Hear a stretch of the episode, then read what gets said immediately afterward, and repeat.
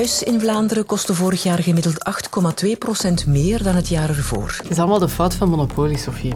Als dat anders in elkaar zat, dan zouden de mensen hun geld ergens anders in steken. Is het nog altijd verstandig om een huis te kopen? U kunt u de vraag stellen, hoe onderscheidt Anderlecht zich nog van andere clubs? Trust the process. Trust the process, ja, Hoe diep is de financiële en sportieve crisis bij Anderlecht?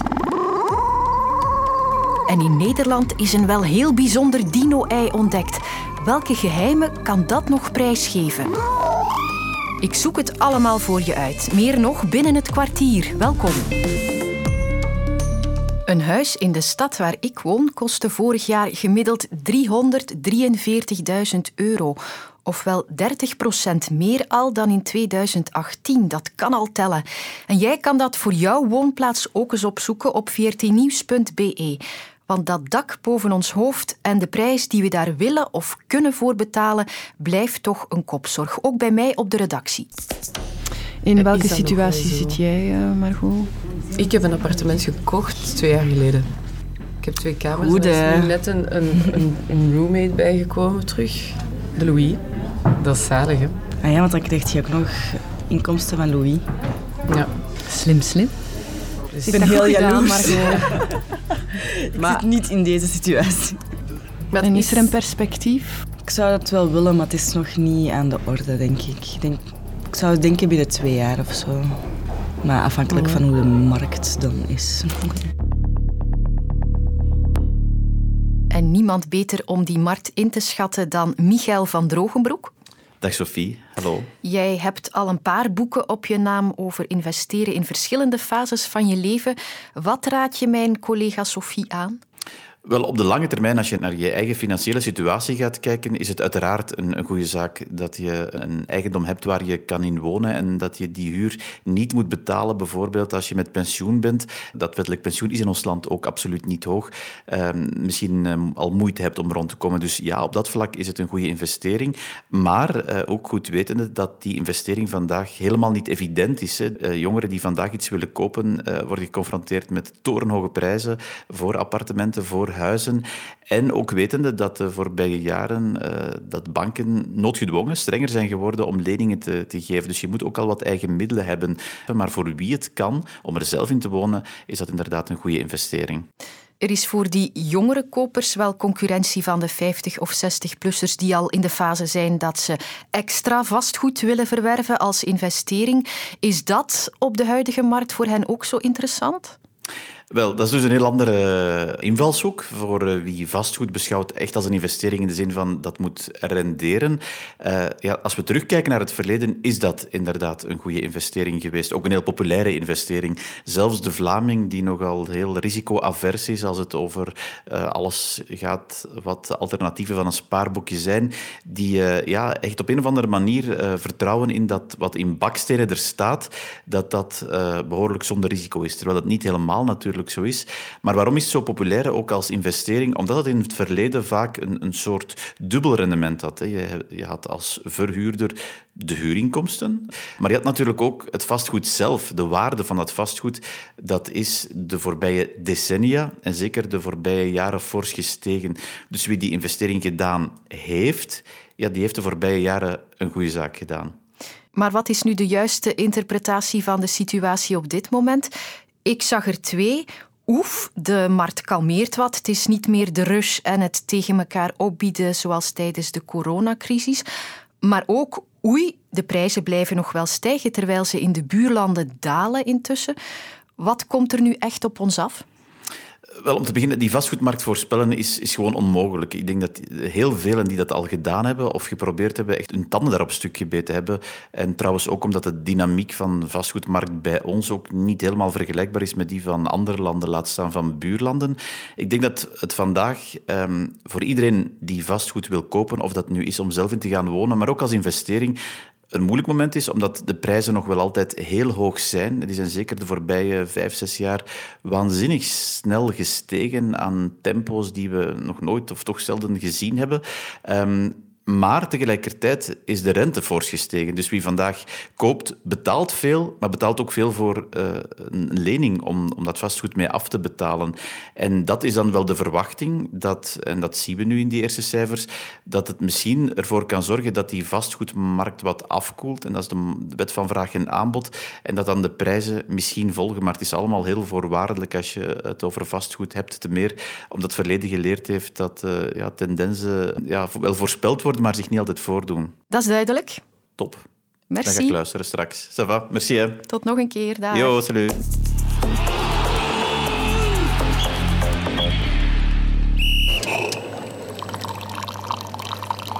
Ik was vanmorgen het luisterende oor van mijn collega Frederik aan de koffieautomaat.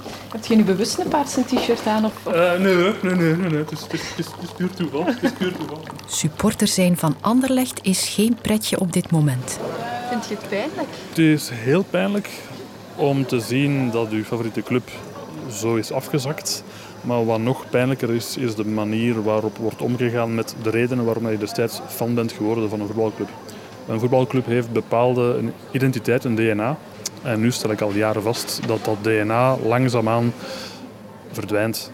Je kunt u de vraag stellen, hoe onderscheidt Anderlecht zich nog van andere clubs?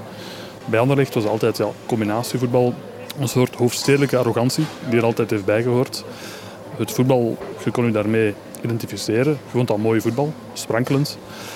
Dat is nu al jaren eigenlijk weg. Zijn paarse hart bloedt. De club zit in een financiële en sportieve crisis en een deel van de supporters eist nu het ontslag van voorzitter Wouter van den Houten. Hoe is een instituut van ons Belgisch voetbal op dit punt aanbeland? Mijn sportza-collega's Bert Sterks en Tom Boudeweel hebben een paar verklaringen voor de sportieve moeilijkheden. Ja, om te beginnen denk ik dat de fans realistisch moeten zijn. De financiële context is wat die is. Daarnaast is het ook wel zo dat er fouten zijn gemaakt. Hè. Ik denk dat ze zelf hebben toegegeven dat de aanstelling van Felice Mazou geen succes was. Anderlecht heeft serieuze hervormingen doorgevoerd. Zo keert Frank Verkouteren terug naar de club. Veldman heeft overgenomen na het ontslag van Felice Mazou. Anderlecht heeft een nieuwe trainer, de Deen Brian Riemer. Ze hebben Vincent Company best lang aan boord gehouden als trainer, maar dat is dan fout afgelopen. Onze situatie is wat het is. Ik, uh, ik ga me niet te veel bezighouden met uh, alle dingen die op dit moment voor ons bij Anderlecht niet haalbaar zijn of realistisch zijn. Dankzij hem zijn er een aantal spelers naar Anderlecht gekomen. Ik denk aan een aantal huurlingen zoals een Metja en Zirkzee de voorbije jaren, die toch een meerwaarde zijn gebleken voor de ploeg.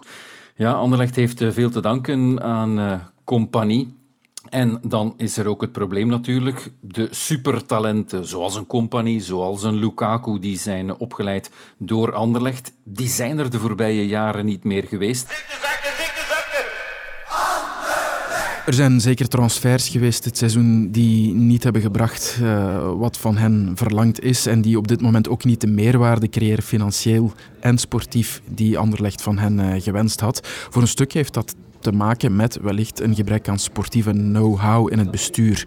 Waarmee ik niet wil zeggen dat Wouter van den Houten, de voorzitter, niets van sport kent. Ook bij Standaard zijn er vroeger problemen geweest. Er waar Roland Duchâtelet, die wel een verleden had bij STVV als, als voetbalbestuurder, maar dan plots bij Standaard kwam. De supporters die zich volledig tegen hem hebben gekant. Ook daar zat dat probleem een beetje in verwikkeld. Van, ja, een voetbalclub leiden doe je niet zomaar als je vanuit het businessleven erin stapt. Dat is gewoon een heel ander gegeven met andere gevoeligheden.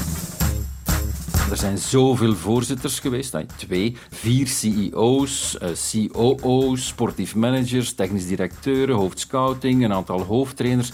De club mist gewoon stabiliteit. En ik besef uh, maar al te goed dat het niet makkelijk is als je moet uh, koken met heel weinig ingrediënten. Dan ja, kan je misschien wel af en toe eens een lekkere soep maken, maar dan moet je creatief zijn natuurlijk. Je hoort het al van Tom en Bert. Sportieve en financiële perikelen hangen wat samen. Maar hoe diep zit de club nu financieel? Dries Bervoet van de Tijd heeft zich daarin verdiept. De inkomsten zijn ongeveer rond de 80 miljoen euro. Maar daar tegenover stond dat de club ook 106 miljoen euro kosten gemaakt heeft. Dus dat het eindresultaat is dat de club ongeveer 26, 27 miljoen euro operationeel verlies uit zijn dagelijkse werking geboekt heeft. Daar zijn een heel aantal redenen voor. Onder meer corona heeft dat nog verergerd.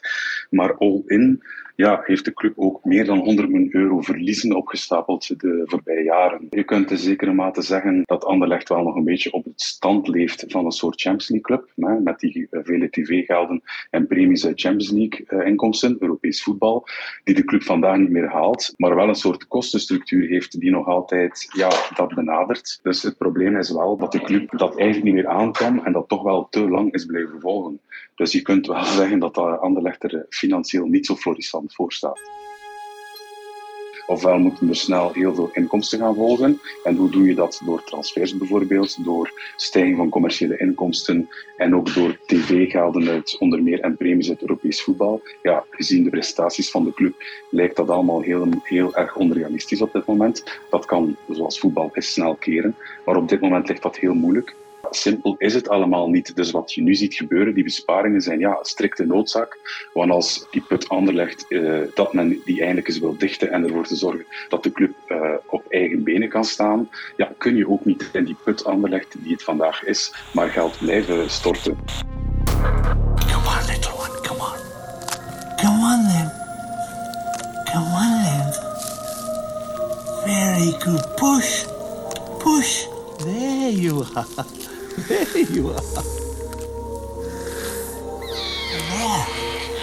Zo ging dat in Jurassic Park toen een baby dino uit een ei gekropen kwam. En in die film zag de kleine dino eruit als een mix tussen een vogel en een soort reptiel. Maar dat is wat de mensen van Jurassic Park ervan gemaakt hebben. Want echte wetenschappers weten eigenlijk nog niet zoveel over babydinosaurussen. Maar daar kan nu verandering in komen, want het Oertijdmuseum in Bokstel in Nederland heeft zeer waarschijnlijk een zeldzaam dino-embryo in zijn collectie. Het museum heeft een hele reeks dino-eieren in zijn bezit en heeft die nu laten scannen. En in één ervan, een exemplaar van 70 miljoen jaar oud, zit dus zo goed als zeker een embryo. Maarten de Rijke van het museum heeft het bewuste ei gisteren meegebracht naar de Nederlandse tv-show Jinek. Dus wat we gezien hebben is dat het ei op zichzelf helemaal compleet is. Dus de mhm. eierschaal is helemaal heel. Ook in de steen is dat, loopt dat door. En dan in één keer zien we aan de rand allemaal kleine witte ja, stukjes. En die witte stukjes duiden aan dat het dus anders is dan het gesteente dat er normaal omheen mhm. zit. En daarin kunnen we dan afleiden. En omdat ze ook allemaal mooi in het patroon liggen, dat het uh, een embryo. waarschijnlijk embryo-stukjes zijn. 100% zeker zijn ze nog niet. Het ei reist nu naar Zwitserland voor extra onderzoek met nog betere apparatuur. Maar de kans is heel groot en als je dan weet dat er nog geen tien van die embryo's ontdekt zijn wereldwijd, dan is dat groot nieuws. Maar welke onthullingen heeft dat ei misschien nog in petto? Een vraag voor paleontoloog Koen Stijn als dat inderdaad ja, een embryo is in een dino-ei, is dat natuurlijk wel een spectaculaire vondst. Want die embryo's die zijn niet erg dicht bezaaid. we hebben wel heel veel van die dino-eieren teruggevonden, maar de meeste zijn gewoon leeg. Enfin, die zijn opgevuld met, uh, met sediment, met zand. Er zijn nog heel veel dingen waarvan we gewoon geen weet van hebben. En dat kan dus ook zijn dat we een ei vinden met daarin een dino-baby, waarvan we de volwassen soortgenoten nog niet kennen. Ondanks dat we dus heel veel eieren hebben, weten we niet welke dieren ze gelegd hebben. En er is altijd heel veel discussie over ja, welke dino's zijn er dan wel of niet aanwezig op die plek waar dan die eieren zijn teruggevonden. Er zijn ongelooflijk veel. Er zijn honderden, misschien zelfs duizenden eieren gevonden in de Provence en ook in de voetheuvels van de Pyreneeën. Maar er is nog nooit een embryo van teruggevonden. En er zijn ook wel verschillende botten van verschillende soorten dino's teruggevonden. Maar welke, ja, welke dino heeft dat dan juist gelegd? Er zijn vermoedens. En de enige manier om te weten welke dino een ei gelegd heeft, is ja, een embryo erin terugvinden. Hè. En dan kan je gaan afleiden welke mogelijke gekende of nog niet gekende dinosoort heeft dat ei dan precies gelegd. En die embryo's die gaan ons nog veel meer vertellen over ontwikkeling van babydino's en de snelheid waarmee dat, dat gebeurt. En dat is natuurlijk een extra punt in tijd, informatiepunt, dat ons meer gaat leren over de evolutie van die dieren. Hoe, snel zijn die groeipatronen veranderd? Want als we spreken over, ik ga een voorbeeld noemen, de Allosaurus. Dat is een grote vleeseter uit het Jura-tijdperk. Die leefde ongeveer 150 miljoen jaar geleden. Die groeide heel anders dan de Tyrannosaurus rex. Die groeide veel, veel sneller, explosiever dan die, dan die Allosaurus. Meer informatie uit, uit die allervroegste beginfase van die dino-baby's zou ons die evolutiepatronen ook veel beter helpen te begrijpen, ook van, van andere dinosaurussoorten.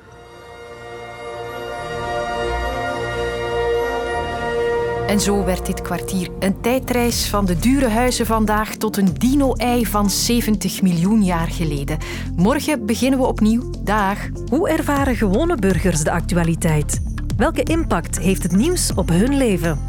Journalist Majd Khalife zocht stemmen en getuigenissen rond thematieken die de wereld beroert. Ontdek hun verhaal in andere ogen. Nu in de app van VRT Max.